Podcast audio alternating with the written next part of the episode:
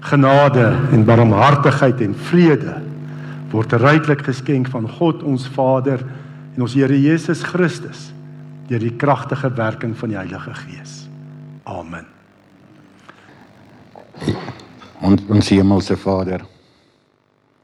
Vanoggend wil ons net eers begin en vir U die eer gee. Vir U sê dankie Here. Dankie dat U daar is vir ons al hierdie jare nog, Here. Dankie vir U liefde.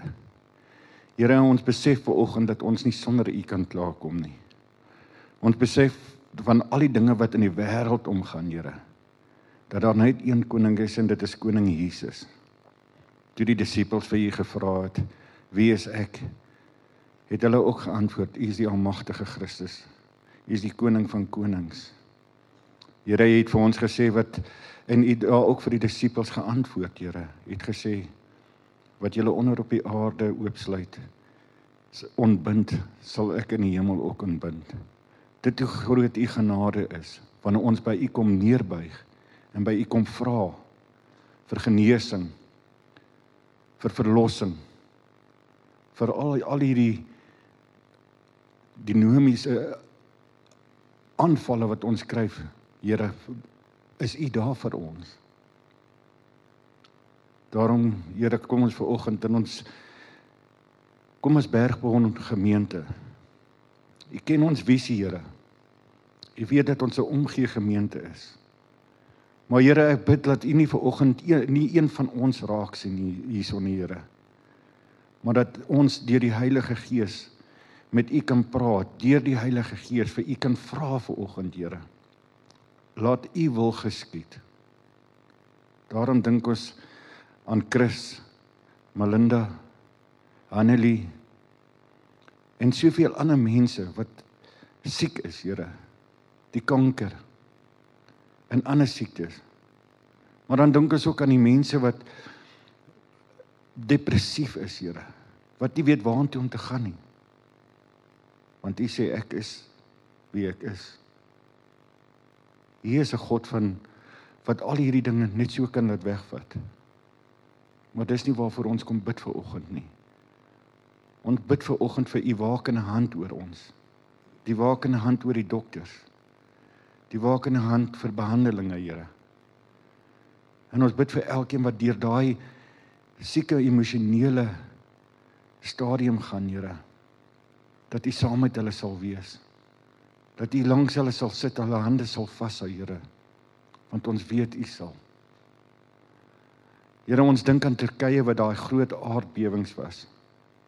Ons al gehoor het van soveel mense wat dood is, Here. Ons verstaan dit nie as mense nie. En al wat ons kan doen hier van Bergbron af is om die seën vir hulle oor te bid, Here. Dat U hulle sal bewaak, Here. Dat U hulle sal rustig maak. Maar ons kom ook ver oggend met blydskap. As ons sien hoeveel antwoorde het hoeveel gebede het al het U al verhoor, Here.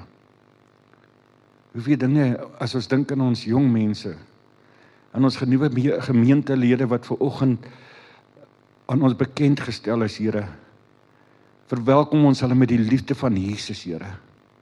Ons ons verwelkom elkeen wat U naam aanroep, Here. Maar Here, ons dink nie net oor onsself nie. Ons dink vir ons ver oggend gehoor het van 200 ek kan nie die bedrag onthou nie, Here, maar U weet die bedrag van die ons ou mensies in die gemeente wat fondse nodig het. En daarom bid ek vir oggend Here is dat U op ons harte sal plaas vir die wat kan help daarmee Here. Dat ons daai daai finansies ook kan regkry Here. Ek bid Here om te sê dankie dat U almagtig is. Ons bid vir oggend vir Stefan Here wat die woord gaan bring Here. En waar ons nou vir oggend al sommer vinnig die Heilige Gees vir ons gesê het van die die lote Here dat ons lote sal wees wat vrug sal dra. Ons bid vir elkeen in hierdie gemeente, Here. Ons bid vir elkeen in se harte, Here. Ons bid dat dat U ons sal seën, soos U ons nog al die tyd geseën is En ons dankie daarvoor. Here, want aan U behoort die koninkryk en die krag en die heerlikheid tot in alle ewigheid. En ons almal sê: Amen.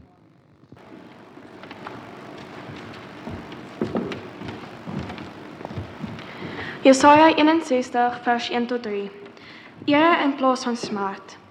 Die gees van die Here my God het oor my gekom. Die Here het my gesalf om 'n blye boodskap te bring aan die mense in nood. Hy het my gestuur om die wat moedeloos is op te buur. Om vir die gevangenes vrylating aan te kondig. Vryheid vir die wat opgesluit is. Om aan te kondig dat die tyd gekom het waarop die Here genade betoon. Die dag waarop God ons sy vyande straf, maar almal wat treur, vertroos. Die dag waarop hy vir die in Sion wat treur eer gee in plaas van smart. Vreugde in plaas van droefheid. Blydskap in plaas van hartseer. Hulle sal genoeg word, genoem word bome van redding. Die Here het hulle geplant om sy roem te vermeerder.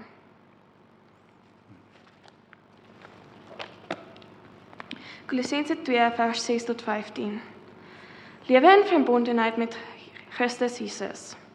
Aangesien julle dan Christus Jesus as Here aangeneem het, moet julle in verbondenheid met hom lewe, in hom gewortel en op hom gebou, vas in geloof. Julle geleer is en met dankbaarheid vervul. Pas op dat niemand julle van hom af wegvoer deur teorieë en argumente wat misleidend is nie. Dit is dinge wat berus op die oorlewing van mense of etiese godsdienstige reëls en nie op Christus nie. In hom is die volle wese van God beliggaam en die verbondenheid met hom deel julle in sy volheid. Hy is die hoof oor elke mag en gesag. Deur julle verbondenheid met hom is julle ook besny. Nie met die besnydenis wat deur mense verrig word nie, maar met die besnydenis deur Christus en dit bestaan in die wegneem van die gesondige natuur van die mens. Dit het by die doop gebeur deurdat julle toe saam met hom begrawe is. Deur julle verbondenheid met hom is julle ook saam met hom opgewek omdat julle geglo het in die krag van God wat hom uit die dood opgewek het. Julle was dood deurdat julle gesondig het en deurdat julle sondige natuur nog nie weggeneem was nie.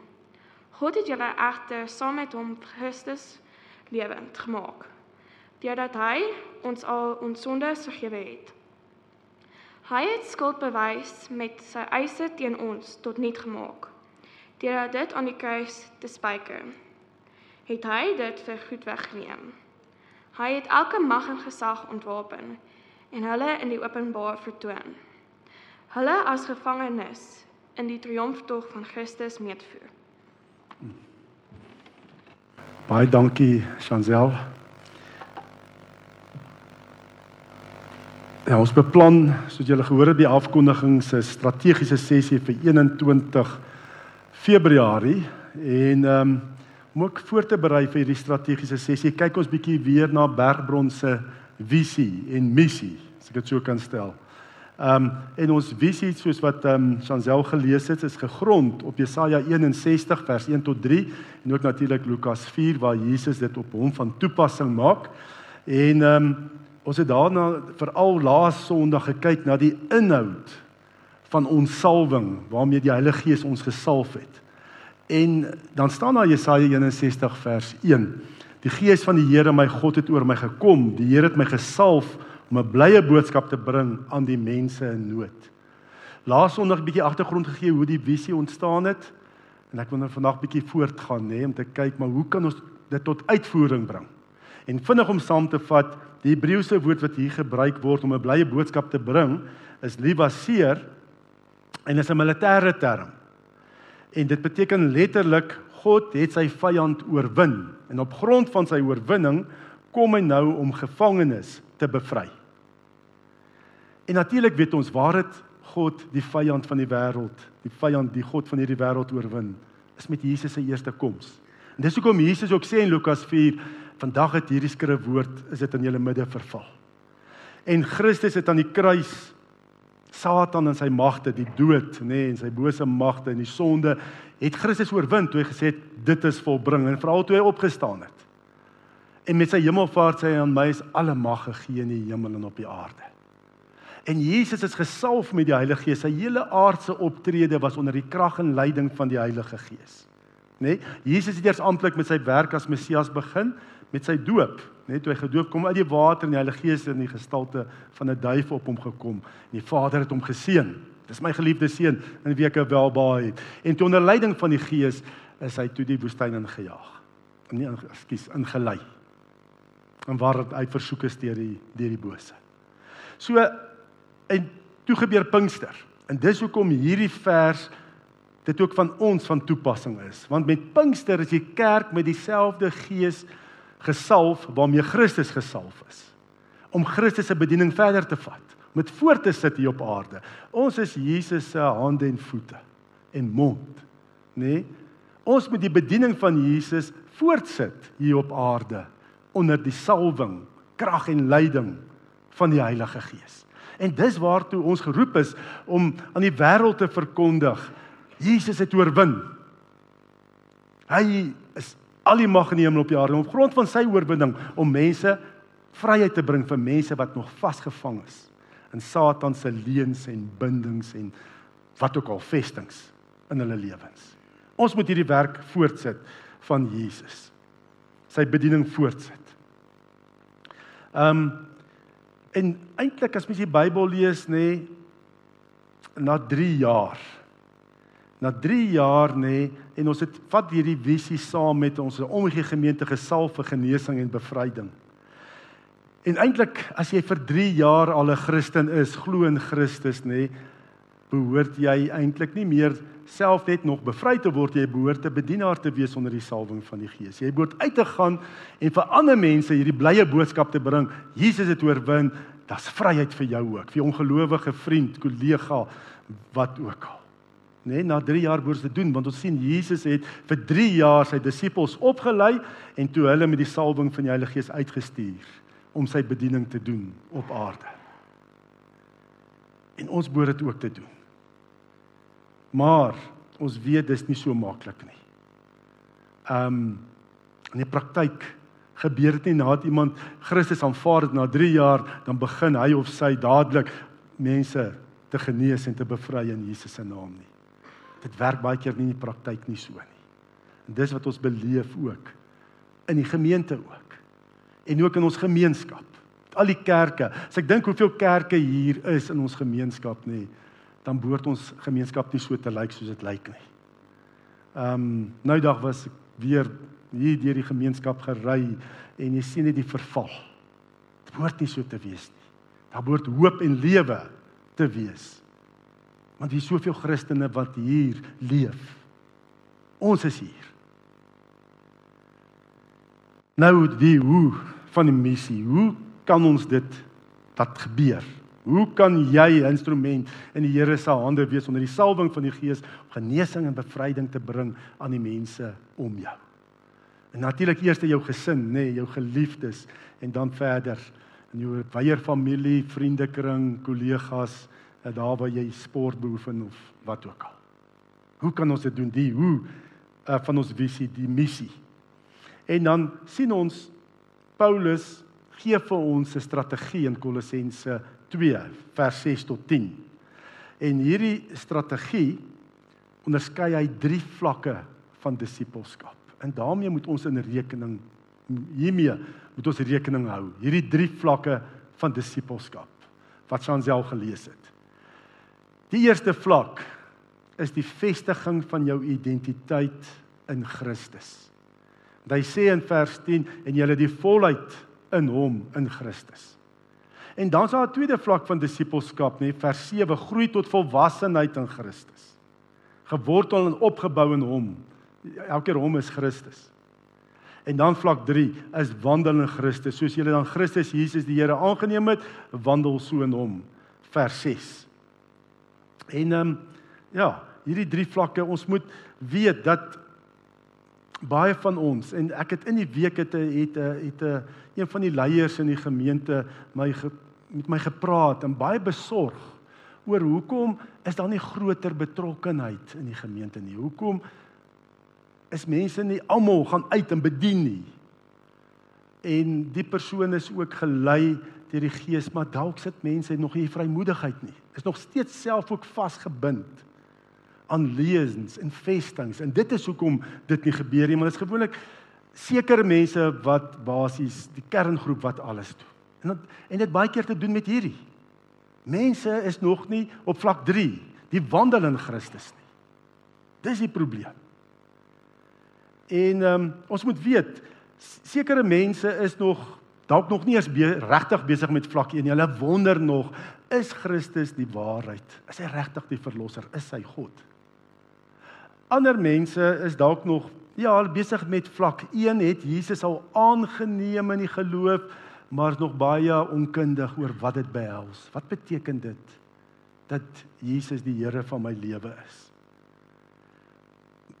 Klompie ander is nog besig om nou te groei. Hulle het al Jesus aangeneem en hulle groei. Hulle is nou in die groeifase. Hulle is besig om te groei.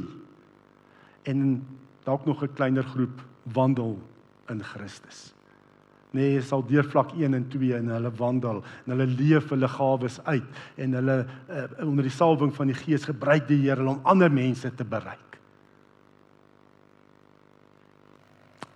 Wie skryf oral in die Bybel hierdie drie vlakke? Johannes skryf van jy kry vaders nie geloof nê. En wat doen 'n pa? Hy reproduseer nê. Kry jong manne wat die bose oorwin het en dan kry jy kinders. En hier is dieselfde idee nie almal is op vlak 3 nie. Dan kan ek ook vir jou sê dat jy kan 20 jaar oud wees nê en jy wandel al in volwassenheid in Christus. Maar jy kan dalk 70 jaar oud wees en jy's nog steeds besig met vlak 1. Sit nog met wêreldse denke alhoewel jy glo in Jesus en jou verhouding met die Here is eintlik maar net eendag as ek doodgaan dan gaan ek hemel toe want ek glo in Jesus, maar die kant van die graf raak my verhouding met die Here my nie veel nie. So dit gaan nie oor jou fisiese ouderdom nie gaan oor jou geestelike vlak waar jy is. Jy kan 20 wees, jy kan reeds 'n volwasse wees in 'n volwassene in Christus. En ons moet daarom ook ek dink ook ons visie het ons al redelik vasgemaak, nê? Jesaja 61 omgee gemeente gesalf vir genesing en bevryding. En Christian gaan vir ons leiding gee met die strategiese sessie. Dit gaan nie so seer wees oor die visie nie, maar hoe om meer ehm um, hoe kan ek mobilisering te kry van lidmate? Meer mense wat betrokke is en wat groei. Ek dink dis meer waaroor dit gaan. Meer mense wat hierdie visie, meer lidmate wat hierdie visie uitleef elke dag van hulle lewens. Dis waaroor dit gaan. En ehm um, as ons al mense motiveer of op die pad van heiligmaking wil begelei, moet ons hierdie in berekening bring. Die persoon wat jy dissiplineer, nê, nee, wat jy wil 'n disipel van Christus, wat jy lei om 'n disipel van Christus te wees, jy moet weet op watter vlak is hierdie persoon. Dat jy daai worstelinge wat mense op daai vlak mee worstel, dat jy dit aanspreek en nie ander goeters bring wat eintlik die werking van die Gees teewerk, die lewensveranderde werking van die Gees teewerk nie. Ehm um, want ek het al gesien baie keer preke oor die algemeen van predikante, waarop is daai preke gerig? Jy's verlos en nou moet jy hier wandel. Nou moet jy wandel. Die meeste preke is eintlik gerig op vlak 3. Die Here het mos vir jou sondes betaal. Hoekom doen jy dit nie? Jy moet nou die groot opdrag, al daai dinge moet jy gaan doen. Net so die meeste preke is baie keer op vlak 3 gerig. Verbondsouers se leiding aan hulle kinders, waar waar waar waar fokus gewoonlik? Jy behoort dit te sê te doen en nie te doen nie en sulke goed ook vlak 3 die wandel in Christus. Nee, maar wat gaan in die kind se hart aan? Ek het al vertel van hierdie voorbeeld net van hierdie 3-4 jarige kind wat saam met sy pa en ma in die kerk sit, maar hy's woelig, wil nie stil sit nie. En hy wil heeltyd staan, maar die pa druk hom fisies af. En ehm um, saggie sê hy vir sy pa, "Ja, buitekant sit ek miskien maar binnekant staan ek. En verstaan jy, dit is wat ons baie keer wil buitekant van die kind reg kry. Reg sê en doen en sulke goeders nê. Maar ons weet nie wat gaan binnekant aan nie, want dit is die belangrikste. Wat gaan in die hart aan? Nê, jy moet in Christus bly. Daarom moet ons rekening hou met watter vlak jy is dat jy die regte dinge aanspreek in jou eie lewe om verder te kan groei en ook aan die mense wat jy help op die pad van disippelskap. Nê? Nee, moet jy reken watter vlak is hulle. Andersins as jy vir iemand dinge sê jy behoort dit en dit te doen, watter kom dit oor? Dis wettiese prediking. Ek wortel nog self so in my lewe nê van ek is onseker, ek is gevul met vrees en al die goeters. Hoe kan ek nog vir iemand anders dit gaan vertel van die Here? Nê? Nee, daai goeie nog eers in my eie hart uitgesort nie. Maar nou behoort ek al dit of dat te gaan doen. En dis waarna ons moet kyk. Watter vlak van disippelskap is jy? En ek wil vir jou sê die meeste Christene wat ons ervaar is nog vasgevang op vlak 1 van disippelskap oral waar ons gaan en ook op ander plekke waar ons bedien, ehm um, sien ons dat die meeste Christene vasgevang is in vlak 1. En dit is hoekom die oorwinnaarsbediening en die victory in Jesus Christ wat spesifiek gaan oor vlak 1 disippelskap, nê, nee, dat dit nie net hier is nie, maar ook uitgaan na ander plekke toe want dis 'n groot behoefte in die koninkryk, in die kerk. Die vlak 1 om daai jou identiteit te vestig in Christus. Want baie gelowiges, Christene sit nog steeds met bagasies van die verlede. Voel ek is maar die produk van my verlede. Al hierdie slegte goed met my gebeur, dis nou maar wie ek is. Ek glo in Jesus, ek's 'n kind van God, maar ek's maar die produk van my verlede. Wortel nog met bagasies, vrees. Nee, gaan ek ek raak vreesagtig as ek die nuus kyk en alles. Ek dink net wat lê voor? Ek kan nie kinders hê in hierdie wêreld nie. Ek is gevul met vrees want wat gaan vir hulle voor lê? en sit met verwerping. Ek sê goed genoeg nie. Die mense in die kerk moet ook net nie mooi uitvind wie ek werklik is nie, dan gaan hulle my ook verwerp.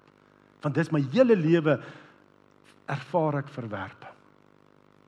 Die meeste Christene, dis nie net hier van ongelowiges wat ons nou van praat nie. Christene worstel met hierdie dinge.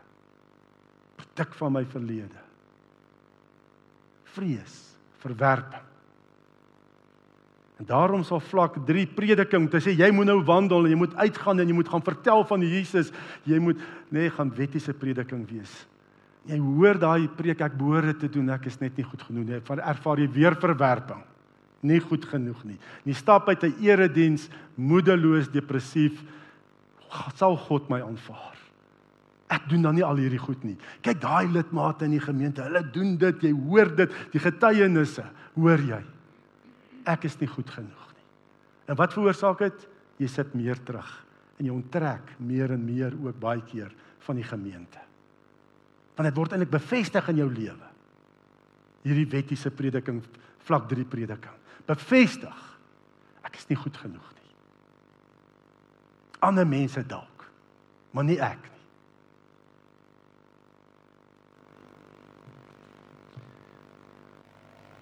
En dan 'n Mens sal eers kan wandel in Christus wanneer jy opgegroei het in Christus vers 7. Eers wandel in Christus vers 6 wanneer jy opgegroei het in Christus vers 7.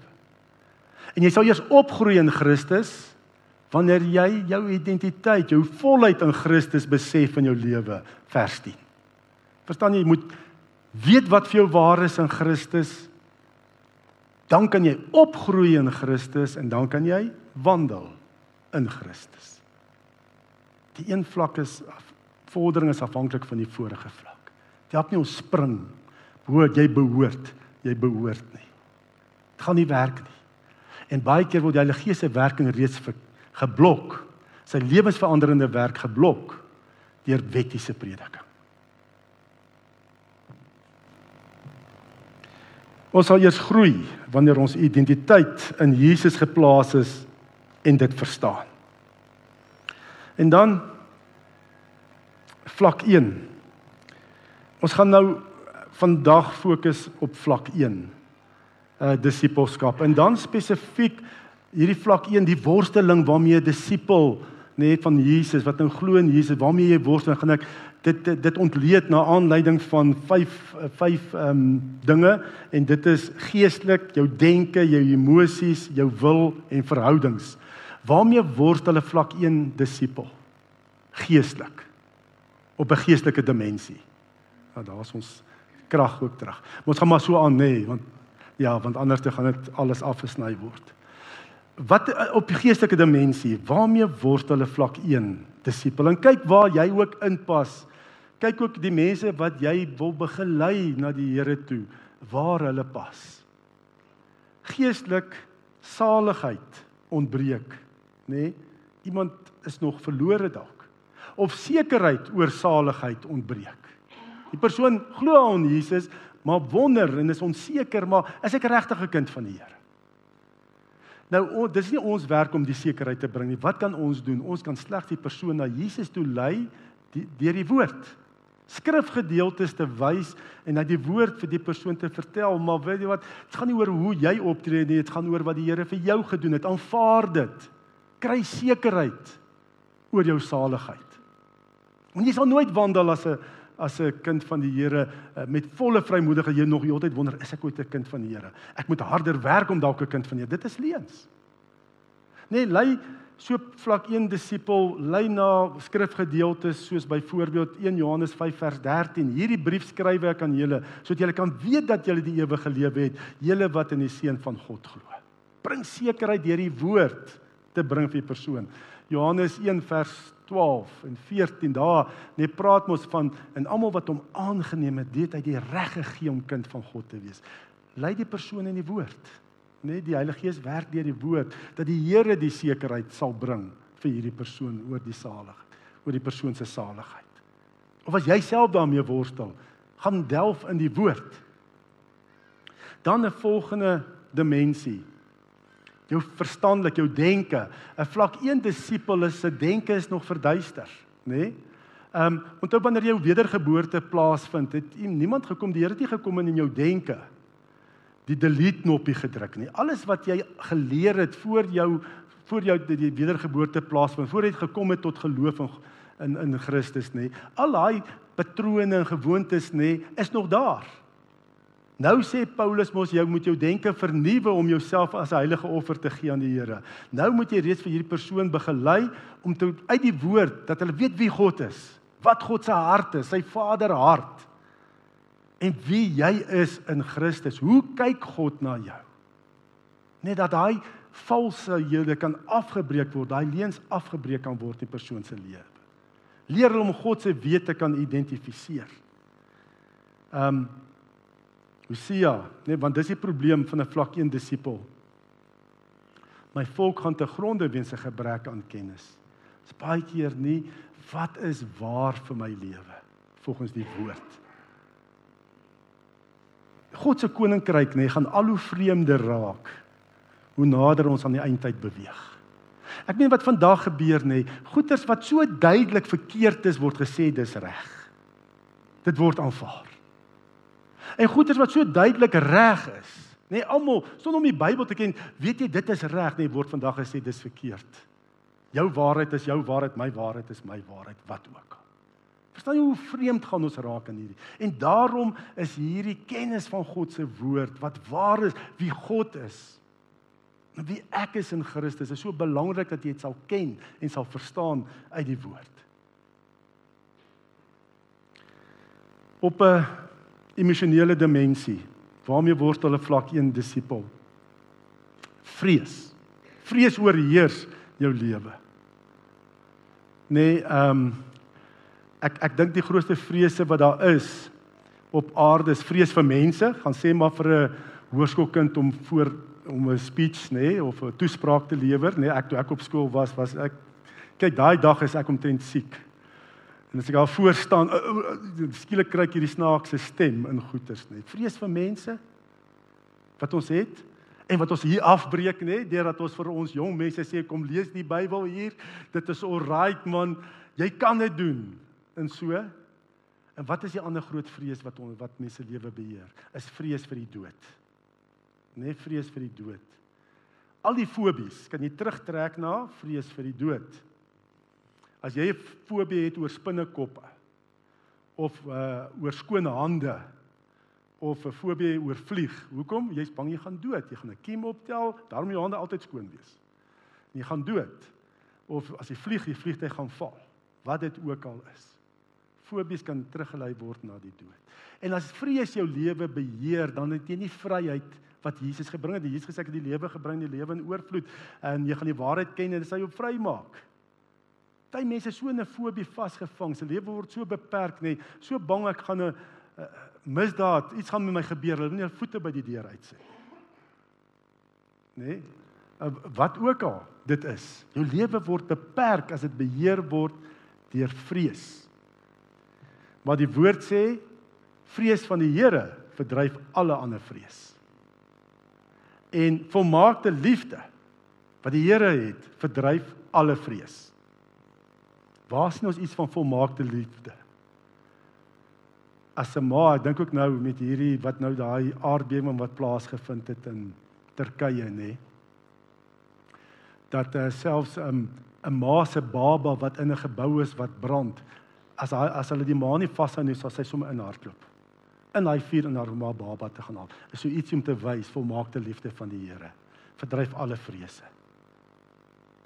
En wat vir myself so voorbeeld is, die Here plaas dit daar en ook nou in die natuur gesien. Ehm um, daar was 'n in daar in Turkye is daar 'n hond teefie wat kleintjies gehad het. Hoe het sy gehuil waar daai kleintjies daaronder en hulle het oopgegrawe en van die kleintjies uitgehaal. Hoeveel te meer vir ons mense, vir 'n ma. Hoeveel te meer van God vir ons as jy verlore is. Net volmaakte liefde verdryf alle vrees. God het jou volmaak lief. Moenie dat vrese van die Here nog jou lewe beheer nie. Vrees, as vrees opgaan, dan gaan geloof gewoonlik af. As geloof in die Here opgaan, dan gaan vrees, want dit verdryf die ander vrees. En dis wat ons moet leer. Op 'n vlak 1 disippelskap. Hierdie vrees vir die dood, vrees vir mense, dit vervang met vrees van die Here. En dan as ons kyk na die volgende dimensie van jou wil. Die meeste mense se wil is in rebellie teen God. Ons word in sonde ontvang en gebore. En ehm um, ons is geneig om onafhanklik van God te wil lewe. Baie mense aanvaar en dis wat baie keer op skool gebeur en in die saal sê staan op wie Jesus aanvaar, dan staan hulle op ja, ek het Jesus aanvaar. Nee, hy is my saligmaker en verlosser. Maar wat is die volgende ding? Hy's nie net jou verlosser nie, hy's die Here van jou lewe. Jy's nie meer die God van jou lewe nie. Jy moet nou nie lewe soos ek wil nie, ek moet nou lewe soos wat Jesus wil dit. Kort baie keer by hierdie altaarkols. Ek sê nie dit is verkeerd om 'n altaarkol te doen nie, maar nou moet daai persoon leer om Jesus te volg en nie meer my eie wense, my eie denke hoe ek geleer is voordat ek Jesus aanvaar het. Die wêreld is absoluut in opstand teen die Here. Leef in rebellie, onafhanklik, los en onafhanklik van die Here. Dit help nie jy aanvaar met jou verlosser nie. Dit behels ook hy's die Here, hy's die God van jou lewe. Hy het al die mag in die hemel op die aarde. En daarom moet ek ontslaa raak van hierdie rebellie om sê ek wil, soos ek wil. En as iemand nie my saamstem nie, nê, wat gebeur gewoonlik iemand in 'n gesagsposisie bo my en die persoon doen dit nie soos ek wil nie, my baas of wat dit ook al is, my ouers, wat gebeur gewoonlik? Ek draai hom ek begin kritiseer. Kritiseer my ouers. Ek kritiseer my baas. Ek kritiseer die dominee, die ouderling. Ek kritiseer is hy alright? nê? Dit dit is wat baie keer gebeur. En mense moet geleer word totale afhanklikheid van die Here. Nederige afhanklikheid. Ook my onderwerp aan mense wat die Here in gesagsposisies oor my geplaas het, my onderwysers. Nê? Nee, my ouers. Wie die Here ook, jy moet jouself onderwerp aan hulle. Al wanneer jy nie aan hulle gehoorsaam is nie, is wanneer hulle van jou iets verwag wat teen die wil van die Here is, dan moet jy aan die Here meer gehoorsaam wees as die persoon in gesagsposisie wat die Here daar geplaas het. En ek weet ons is nie baie gelukkig oor ons regering nie. Daar's baie foute. Maar gelukkig het ons nog mense in 'n regering. As jy kyk na wat daar in Sudan gebeur het, nee, waar al daai strukture plat geval het, net dit elkeen doen, ek dink in die Bybel staan dit doen maar net wat goed is in sy eie oë. Op 'n stadium hier, dink in Rigterstyd het die ou volk ook so gemaak. Elkeen doen maar net wat goed is in sy eie oë.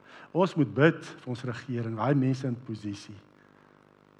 Ek was so dankbaar met hierdie kragonderbreking en ek moet by 'n vergadering kom en daar by Pieter kom ek moet daar oor die snelweg gaan. En ek dink ek gaan dit nie maak vir 6 uur nie, nie want ons moet 6 uur ry om na 'n ander plek toe te gaan. En daar is toe een van ons verkeersbeamptes wat die verkeer beheer. Ek het hom gesmaai en sê dankie. Dankie broer en so.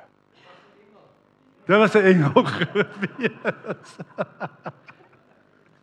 en ek is 6 uur was ek by tyd gewees. Ondersteun bid. Ons daar is nog mense daar in gesagsposisies. Ek dink nou ook maar nou net ja, ons polisie mag en alles, ons moet bid vir hulle. Daar's mense wat nog die regte ding doen. Ons ondersteun hulle. Nie net kritiseer nie. Wat my die net die snaakse ekskuus nou nou word my aandag bietjie afgetrek oor die engel storie. Daai was engel, maar baie keer kry jy van hierdie ander ouens wat lyk of hulle haweloos is is nê wat die verkeer begin beheer. Dit help, maar dit is 'n ongeluk is wat wie gaan betaal nie, maar dit help. Ja, pas op vir rebellie en kritiek aan mekaar. Onderwerp jou aan die Here, ook aan die gesag wat hy oor ons gestel het. En dan op 'n verhoudingsvlak, die laaste een mense op 'n vlak 1 disippelskap worstel met verwerping. Voel nie goed genoeg nie. Mense het my verwerp op skool want ek is nie eerste span gespeel nie. Of ek was nie mooi genoeg nie. Nie cool genoeg nie, wat ook al. Nie ryk genoeg nie. Ons het verkeerde kant van die treinspoor gebly, wat dit ook al is. En ek is verwerp. Nee, um, ons moet dit afbreek. Daai dan dan berig 'n mens verdedigingsmeganismes op teen verwerping, nee. Wat is verdedigingsmeganisme byvoorbeeld as jy is Irak hoogmoedig? Jy jy jy jy't jy's arrogant en sulke tipe goed. Dit moet afgebreek word. Hierdie verdedigingsmeganismes teen verwerping. En hoe doen ons dit? Deur hier in die kerk waar gelowiges mekaar onvoorwaardelik aanvaar. Want God aanvaar ons onvoorwaardelik weet Romeine 8 vers daar by 14 rond nê staan ja ons is ons het die gees van aanneming tot kinders. God het ons aangeneem in Christus as sy kinders. Nou as jy 'n kind aanneem, neem jy daai kind is daai kind net jou kind wanneer daai kind reg optree of neem jy daai kind aan met die regte optrede en ook die bagasie wat daai kind bring? Jy vat daai kind net so. Die kind is nie jou aangenome kind net wanneer daai kind reg doen en mooi doen en reg alles nie. Bly jou kind. Al doen daai kind ook verkeerde goed. Selfde met ons ook. God aanvaar ons onvoorwaardelik in Christus. Hy ons natuurlik nie hou dan nie, hy wil ons met hierdie pad van heiligmaking stap. Hierdie vlakke van disippelskap deurgaan. Maar God aanvaar my onvoorwaardelik en daarom kan ons God se onvoorwaardelike liefde verwys hier aan mekaar. Ons kan nooit hier dink ek is beter as daai of daai of ek is slegter as daai want dan jy mislei. Ons almal is geskape na die beeld van God. En wat is die doel wat die Here het vir elke mens? Hy het ons na sy beeld geskape want sy doel met elke mens op aarde is vir 'n vader-kind verhouding, 'n liefdesverhouding. Waar hy sy liefde op jou kan uitstort en jy dit kan teruggee aan jou Vader en weggee aan mense om jou wat na sy beeld geskaap is. Dis waarvoor jy geskaap is. As jy dit nie leef nie. As jy nie daai liefdesverhouding met die Here leef nie, gaan jy met 'n 'n gat in jou, 'n leegte in jou lewe sit wat jy gaan probeer vul. Dit kan wees met middels, dit kan wees met prestasies, dit kan wees met wat ook al, nê. Jy sal dit nooit kan vul nie. Alles begin met 'n verhouding met die Here om God se onvoorwaardelike liefde in Christus te aanvaar. En as God my onvoorwaardelik liefhet, dan kan ek ander mense om my ook onvoorwaardelik lief hê en aanvaar. Dit is die kern van elke verhouding. Onvoorwaardelike liefde en aanvaarding. Ja, uh wys mense dat jy hulle aanvaar deur aan hulle te gee wat hulle genodig het en nie wat hulle verdien nie. Dis wat genade beteken. God gee aan ons wat ons nodig het en nie wat ons verdien nie. Hy gee aan ons die ewige lewe in Christus. Ons verdien dit nie. Jesus het dit op hom gevat. Die straf op ons sondes.